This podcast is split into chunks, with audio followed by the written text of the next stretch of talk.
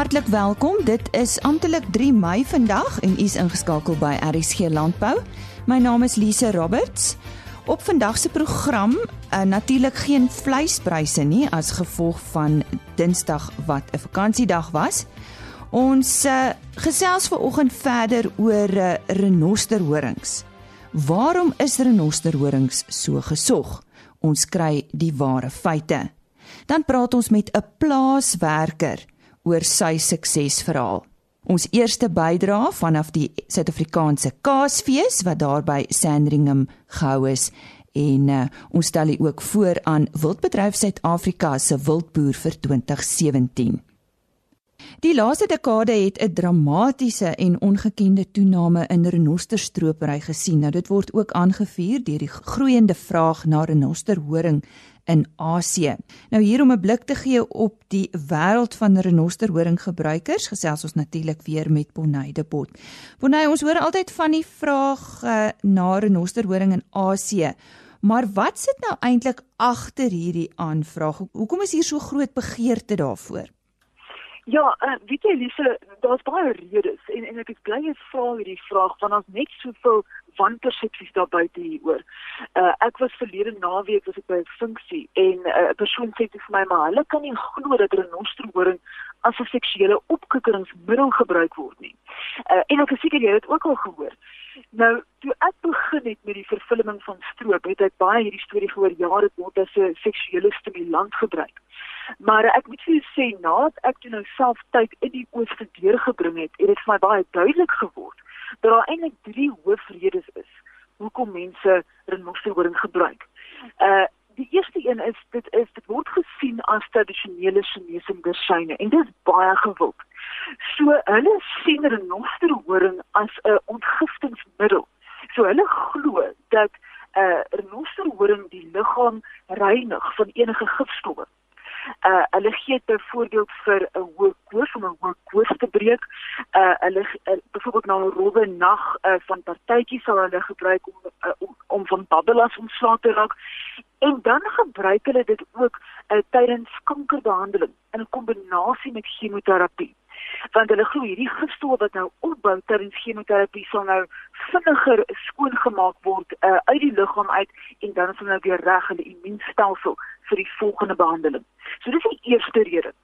Die tweede rede, uh, hulle sien dit as 'n uh, statussimbool. Jy weet ons moet onthou dat renosterhoring vandag die mees waardevolle kommoditeit op aarde is. Dit is baie meer werd as platinum, uh, baie meer werd as goud. En dit sien jy nou weer onder jou Vietnamese en Chinese sakemanne. Uh, uh, hulle noem dit rhino horn gifting. So hulle gee 'n soliede stuk renosterhoring aan 'n maatskappy of aan 'n baas om 'n tender te bekom. Want as jy nou 'n persoon is wat 'n baie duur en 'n rare kommoditeit in die hande kan kry, wel dan is jy mos nou suksesvol en ons wil met jou besigheid doen. En dan liewe die derde rede is dat dis 'n derde mark, is 'n groeiende mark en dit is waar 'n nosterhoring omgeskakel word in juweliersware, soos byvoorbeeld armbande. En dis nou weer baie populêr uh, onder Chinese toeriste. Maar ek dink wat ek ook net wil noem en wat ons moet besef is dat renosterhoring, ag renosterstropery, uh, is nie iets niets nie uh dit ons kan maar net terugdink aan die grootskaalse uh, stropery wat in Afrika plaasgevind het in die 1960s en 70s.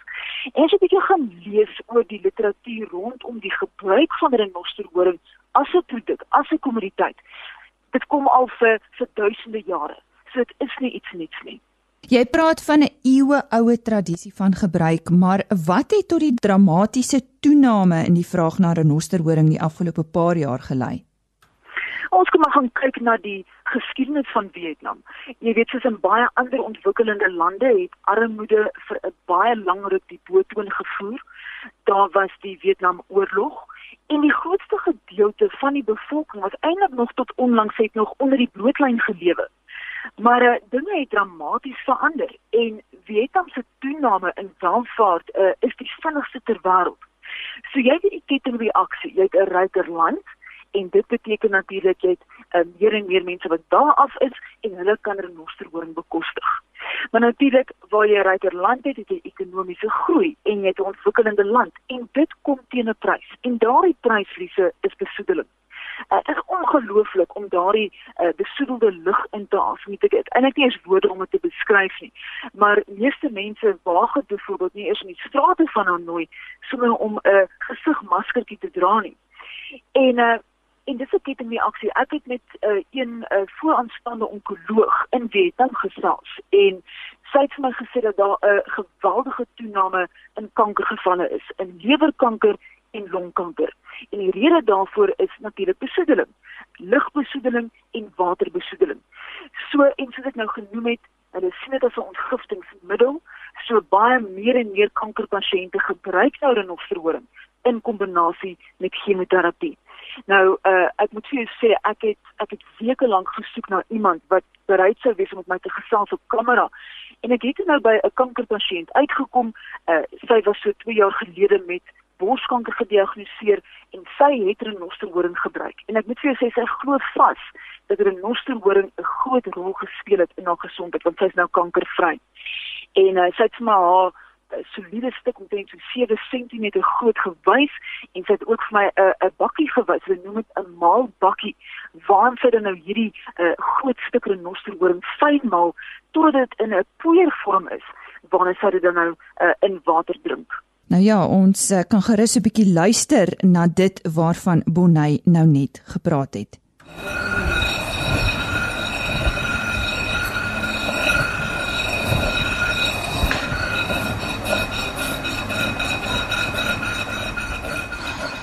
Ons het nou geluister na hierdie klankgrepe van jou Bonnie. Dit klink so asof dit op 'n grouwe oppervlakte gedoen word. Oh presies. So die bodem van daardie bakkie het 'n baie grouwe tekstuur. Dit wil amper sê so skuurpapier. En en wat sy wat sy doen, sy het my gewys sy gebruik met daai uh, sy vat daai stuk renosterhoring en dan maal sy dit op daardie grouwe bodem in sirkelbewegings vir so 45 minute in lou warm water totdat dit nou in 'n poeierformaat is uh, waarna sy dit dan nou drink. Uh, interessant, sy het vir my gesê dat uh, hierdie uh, die smaak wat haar naar laat voel want dit het 'n brandende bitter smaak. Uh, maar sy glo, sy glo dat die renosterhoring 'n groot rol gespeel het want sy is nou kankervry. En ek vra haar toe wanneer laas sy hierdie uh, renosterhoring gebruik het en sy sê nee nee nee baie lank terug, jy weet, tydens behandeling. Maar ek sien toe die bakkie was onlangs gebruik en ek vra haar toe weer En sy sê vir my eintlik ja, sy nou reg onthou, uh, sy het dit onlangs gebruik, uh sit so klein stukkie uh renosterhoring fyn gemaal verlede Sondag vir haar kleindogter se se koors. So dit was nou nogal baie skokkend om te hoor. Bonnie, daar is 'n paar organisasies wat fokus op vraagverminderingsveldtogte. Is hierdie veldtogte doeltreffend? kyk doeltreffende veldtogte uh, wat poog om die vraag na renosterhoring te verminder vereis navorsing rondom die gedrag van gebruikers. Jy moet verstaan wie gebruik dit, uh, waar woon hulle, watter ouderdom. En dan moet die boodskap van die veldtogte op die regte gehoor gefokus word. Help nie jy fokus op 'n verkeerde mark nie, maar dan gaan jy nêrens kom nie. Nou, daar is nou al 'n paar keer opnames gedoen, studies gedoen, uh, deur organisasies om te kyk hoe effektief hierdie vangtogte werklik is. En ek moet sê dis altyd baie positief. Uh dit lyk of die bevindinge uh dat daar wel 'n afname uh in aanvraag is as gevolg van hierdie vangtogte. Maar en daar is ongelukkige maar As jy 'n bietjie dieper gaan kyk na hierdie studies, dan praat ons van onderhoude wat gevoer word met 1000 mense. En dit terwyl die bevolking van Vietnam ongeveer 100 miljoen mense is. So kan jy werklik uh, sê dat dit uh, dit doeltreffend is. Ek dink wat ons nodig het op hierdie stadium is in diepte uh, studies wat 'n groot deel van die bevolking betrek. En dan kan ons sê ja, dit het 'n impak of nie dit werk glad nie en ons gaan 'n uh, ander manier uh, of op 'n ander manier moet kom of 'n ander poging moet aanwend want ons het nie baie tyd oor nie. Soos jy weet, ons verloor 'n uh, drie renosters 'n dag, een elke 8 uur en meer as 1000 elke jaar. So ons gaan vinnig moet moet gaan kyk of hierdie veldtogte werklik werk. Want ons praat van 'n uh, 'n kultuur, ons praat van eeue oue tradisie en dit is nie 'n maklike taak om daardie kopskuif te verander nie.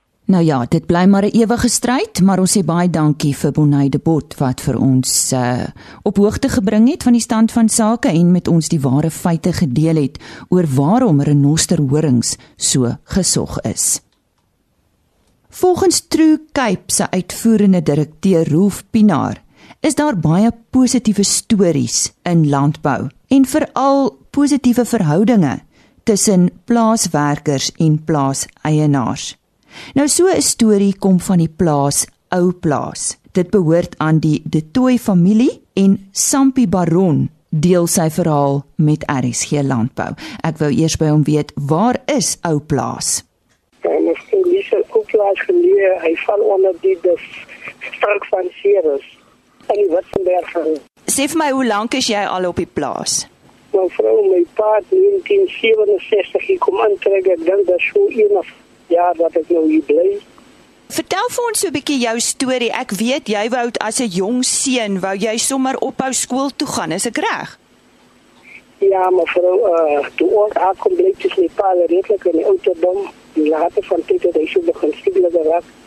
Uh, toe heb ik school gegaan, in 70 zo voor vijf jaar en maar vier en een half jaar. En uh, toen begon raak ik zo een beetje stout. Ik zei, pa, maar ik ga voor een paar jaar werk.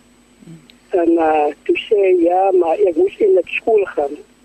En terwijl ik nou nu wil ik naar school gaan, beginnen draaien ik nog maar stokjes, dan ga ik gewoon uit school doen. En uh, toen gaan klein later bij meneer de Toeit en meneer de Toeit heeft toen voor mij een pak gezien en gezegd, ik, uh, ik moet school toe gaan, dus ik kon werk.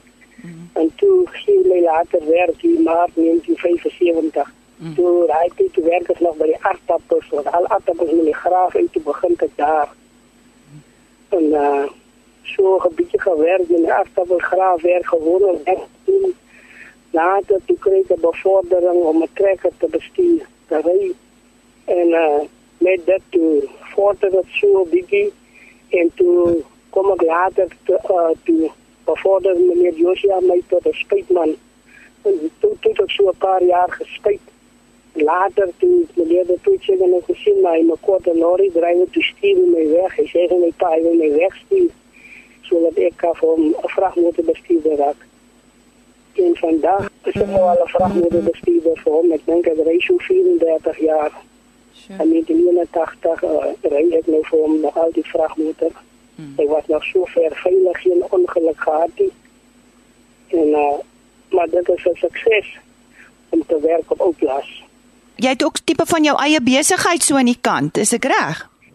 Ja, mevrou later van tyd toe kry ek so 'n bietjie begeerte om ook 'n skaapie aan te hou en ek gaan na meneer Josia toe en ek vra hom of kan 'n bietjie skaap nou dis sê my ja, ek kan 'n bietjie skaap aanhou, maar nie meer as donderdag nie. En uh, toe geniet ek het en vandag het ek nou nog die skaapies en meneer het toe het so verder gegaan uh, om my later uh, so 'n kampie te gee waar die skaapies kan loop net nou nie so buite rond te voer nie. En ek geniet dit baie en, uh, en ek waardeer dit en ten grootste en later toe gee meneer my so 'n kampie kala die seun te tweet toe uh vra ek van meneer of ek hom kan vir my 'n bietjie havertjies sy om op so 'n bietjie kos te maak vir die skape. Dan vra ek al die dalle vir my hulle trekker en dan sien al die trekker om te dus sy kom self ja dis ook om sommer toe. En as die goedjies nou groot is, die havertjies as jy nou is om bale te maak dan uh, vra ek weer van meneer dat jy dis die havertjies afsny of hy dit kan vir my of hy kan vir my help met die trekkertjie as hy nee as jy probleme het, is. En so balen ook dan later vir my weer die balen. En dan vra ek my weer 'n trekkertjie om die balen in te ry na my huis toe op. En uh, maar dit is lekker om goed te te weet ek het eintlik dit begin toe die môre nou werk toe is daar 'n liefde vir grond. En uh, ek geniet dit baie terwyl hulle my die voorkeur gee om daar te sy en in ons skapies aan te hou. Wat produseer hulle op ou plaas Sampie? Byvoorbeeld 'n vrugteplaas en uh, as ook skaap en bees. Wat het vir jou daai deursettingsvermoë gegee om te kom waar jy is vandag? Mevrou, ja, ek het baie seker maar geleer by meneer De Toet self. Ek kyk hoe die ding doen dan as daar maar hy begeerte ook in my dat uh, ek wil ook eendag met dit begin. En nou het ek nog nie die grond gehad maar toe hulle met die toestemming gee toe begin groei die liefde al meer en ek wil ook vir die buite mense sê wat we graag 'n besigheidjie begin 'n mens moet vertroue hê in die Here ook. En uh, jou gesindheid moet ook op so 'n manier wees dat mense vir jou die vryheid gee om vir jou wat jy in die toekoms wil graag doen toe te laat. So byvoorbeeld meneer de Tulte, ek het daar groot geword en uh, ek het 'n liefde vir die vir die werk. Alles wat ek doen, doen ek uit liefde uit en uh, ek kyk ook wat anders doen om te presteer in die lewe. Ek het nie baie besig gehou met verkeerde goed nie. Want uh, dit bring vir 'n mens niks in die sak nie, maar uh, die liefde vir die toekoms is daar vir werk. Mens moet al die jou eie kant ook bring. En jy moet praat en vra, want anders sal jy nie gehelp word. Nou ja, soos die spreekwoord sê, waar daar 'n wil is, is daar 'n weg. En dit was dan die stem van Sampi Baron. Hy is 'n werker op die De Tooise plaas en die plaas se naam is Ou Plaas, daar in die Ceres omgewing. 30000 besoekers oor 3 dae, meer as 150 uitstallers. Hier is kaas, kaas en nogmals kaas. Maar wat anders? Dit is die 17de Suid-Afrikaanse Kaasfees wat op die plaas Sandringham aangebied word. Hier is groot kaasmakers, klein kaasmakers, butiek kaasmakers. Hier is granate, vye, heuning, vrugte. Hier is baie wat landbou verteenwoordig. En hier is baie modder. Hier heers 'n vreugde want dit het heerlik gereën die afgelope 2 dae. Verlede jaar hierdie tyd was daar twyfel of hierdie geleentheid wel gaan plaasvind as gevolg van die droogte. Maar kom ons hoor wat sê die minister van ekonomiese geleenthede in die Wes-Kaap, minister Allan Windey. 30000 eh, mense en 30 ton kaas. Uh en alles wat bygaan. So maar ek definitief ek uh daar was baie gesprekke van borge wat wel gesê het luister, hulle gaan nie betrokke wees met so 'n kaasfees met die met die droogte wat so is. Ehm um, maar ek dink wat gebeur het is en ek het self aan die regering se kant af sê hoe kan ons help want ons kan nie jy kan nie so fees in die middel stop want dan dit vat jare om weer in die gang te kom. En ons het gesien by by uh, ander feeste. So ek is baie baie bly. Uh en dit is interessant om te kom kyk en sien hoe dit hulle verander want uh hulle eie water footprint is mos uh negatief of uh, of ten minste 0 en uh jy jy het 'n hele watersparings tent nou en uh waar jy kan eintlik gaan praat oor waterspaar en uh, dis baie interessant. En ek is baie baie bly dat uh dat hulle uh daai besluit geneem om aan te gaan. En uh as jy nou hier hier na toe kom, jy kan maar sien dit was a, dit was regtig die beste en die en die enigste besluit. Uh en ook die beste is dat daar's modder op die grond. So So ek is baie baie bly daaroor. Dit is 'n geleentheid vir ons nuwe klein kaasmakers. Dit is 'n geleentheid uh, waar ons as regering betrokke raak. Uh, ons het ons eie uh, uitstalling hier waar jy kan daai klein uh, uh, agri processing besighede sien en jy weet ons moet nog steeds dit maak nie saak as dit droogte is of nie. Jy kan nie jy kan nie hulle werksgeleenthede wegvat van van hulle af. Hulle het mense wat vir hulle werk. Hulle is nuwe besighede. Hulle hulle kan nie sê luister ons gaan nie nou geld maak hierdie jaar nie. Uh, dit werk nie so nie. So ek is regtig bly dat hierdie platform nog aan die gang is en is nog beter as uh, ooit en en regtig baie baie goed. Uh, wat hoor jy van reën oor die oor die area die afgelope paar dae? Wat se terugvoer kry jy? Wel, jy kan al klaar sien uh, vanoggend het die son lekker geskyn, maar uh, dit lyk asof hy weer 'n uh, bietjie verander. Maar ek moet sê, uh, ek gaan nie nou oor 'n ander fees praat nie, maar ek was by 'n ander een in Stellenbosch wat uh, te doen het met wyn. En daai aand van die opening het dit gereën. Dit was ongelooflik om te sien hoe die mense staan buite in die reën. Mense in die Kaap wil hierdie reën hê. So uh, die reën, ek hoop dit kom. Ek dink almal van ons hoop dit kom. Almal is bly dat daar modder is. Die modder moet nog erger raak en uh, maar ons sal nog steeds kom en ons sal in die reën, staan en dit geniet. Maar daar's ook baie baie tente en en uh, baie onderdak. So dit gaan nie dit gaan nie 'n verskil maak. Dit gaan eintlik dit beter maak. Wat se inspuiting gee hierdie tipe van feeste wat Agri Expo doen, uitstallings, um, want hulle het so 'n paar deur die jaar. Wat se inspuiting ekonomies gewys bied dit regtig vir die Weskaap?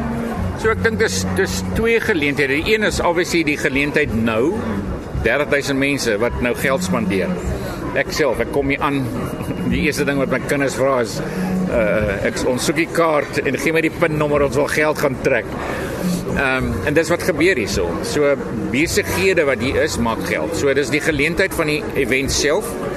Maar eintlik is baie groter as dit. Dit is die beeld van landbou. Dit is die beeld van ons waardebyvoegingsprodukte soos kaas, soos wyn, soos die nuwe produkte waarmee ons werk as landbou. Um, ons sit baie geld in navorsing van, van wat is die nuwe produkte wat ons kan uit hierdie streek uit produseer wat minder water gebruik wat uh, en dit kom in die granate uh, en die vye en die uh, kersies en berries en en uh, honeybush en dis en jy sal hier kan dit sien proe. Jy kan die bier seker sien wat daar klaar daarmee werk.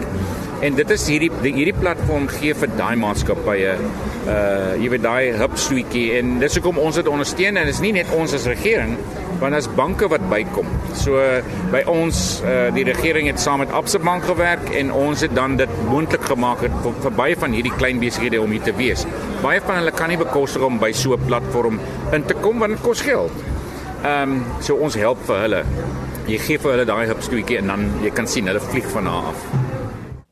Die minister van ekonomiese geleenthede in die Wes-Kaap, minister Allan Windy, wat gepraat het oor vanjaar se Suid-Afrikaanse Kaasfees en dit was die 17de Kaasfees wat op die plaas Sandringham net buite Stellenbosch vanaf 27 tot 29 September plaasgevind het. Luister uit vir nog stories vanaf die Suid-Afrikaanse Kaasfees. Ons stel nou voor aan Wildbedryf Suid-Afrika se wildboer vir 2017. Hello listeners. I'm Warwick Barnard in uh, ek het die VRSR Game Ranch of the Year Awards for 2017 gewen. My Afrikaans is nie te goed nie. Uh so ek gaan die meeste in Engels praat, maar ek sal probeer as ver as moontlik. Ek is 'n 'n wildboer um in die Oos-Kaap naby Gramstad en ek boer uh, die meeste met buffels, maar verskillende uh wild spesies. Ek uh, ek woon naby Gramstad in die Oos-Kaap en ek boer met verskillende wild uh die meeste met buffels, swartvet, pense en jalas en en die verskillende common wild. The WRSA judges visited myself um, and the business Woody Cape Wildlife in February this year um, in the build up to the WRSA conference and, and awards. And they were looking for the wildlife rancher of the year for South Africa, um, which comprises of, of different components which they judge you on. And it's a very inclusive um, parameters which, which you get judged on. Um, and that you need to be involved in. And Woody Cape Wildlife uh, has diversified into all the different areas that the judges were looking for. And this included um, wildlife breeding at stud level of, of top quality animals, um, the hunting side, uh, bringing in international hunters as well as for local biltong hunters. We, uh, we have a lodge uh, that we run our ecotourism business out of.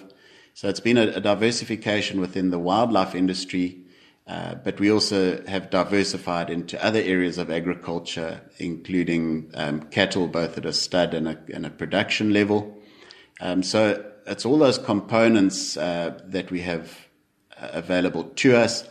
Uh, but the important part was developing a, a business that was sustainable, um, that has been able to diversify, but also been very inclusive, inclusive of the community, uh, making sure that they have a benefit out of our our business and what we do through employment and through community projects, um, but also looking at inclusive partnerships with BE uh, partners, uh, communities that need to do something sustainable and progressive with with their land.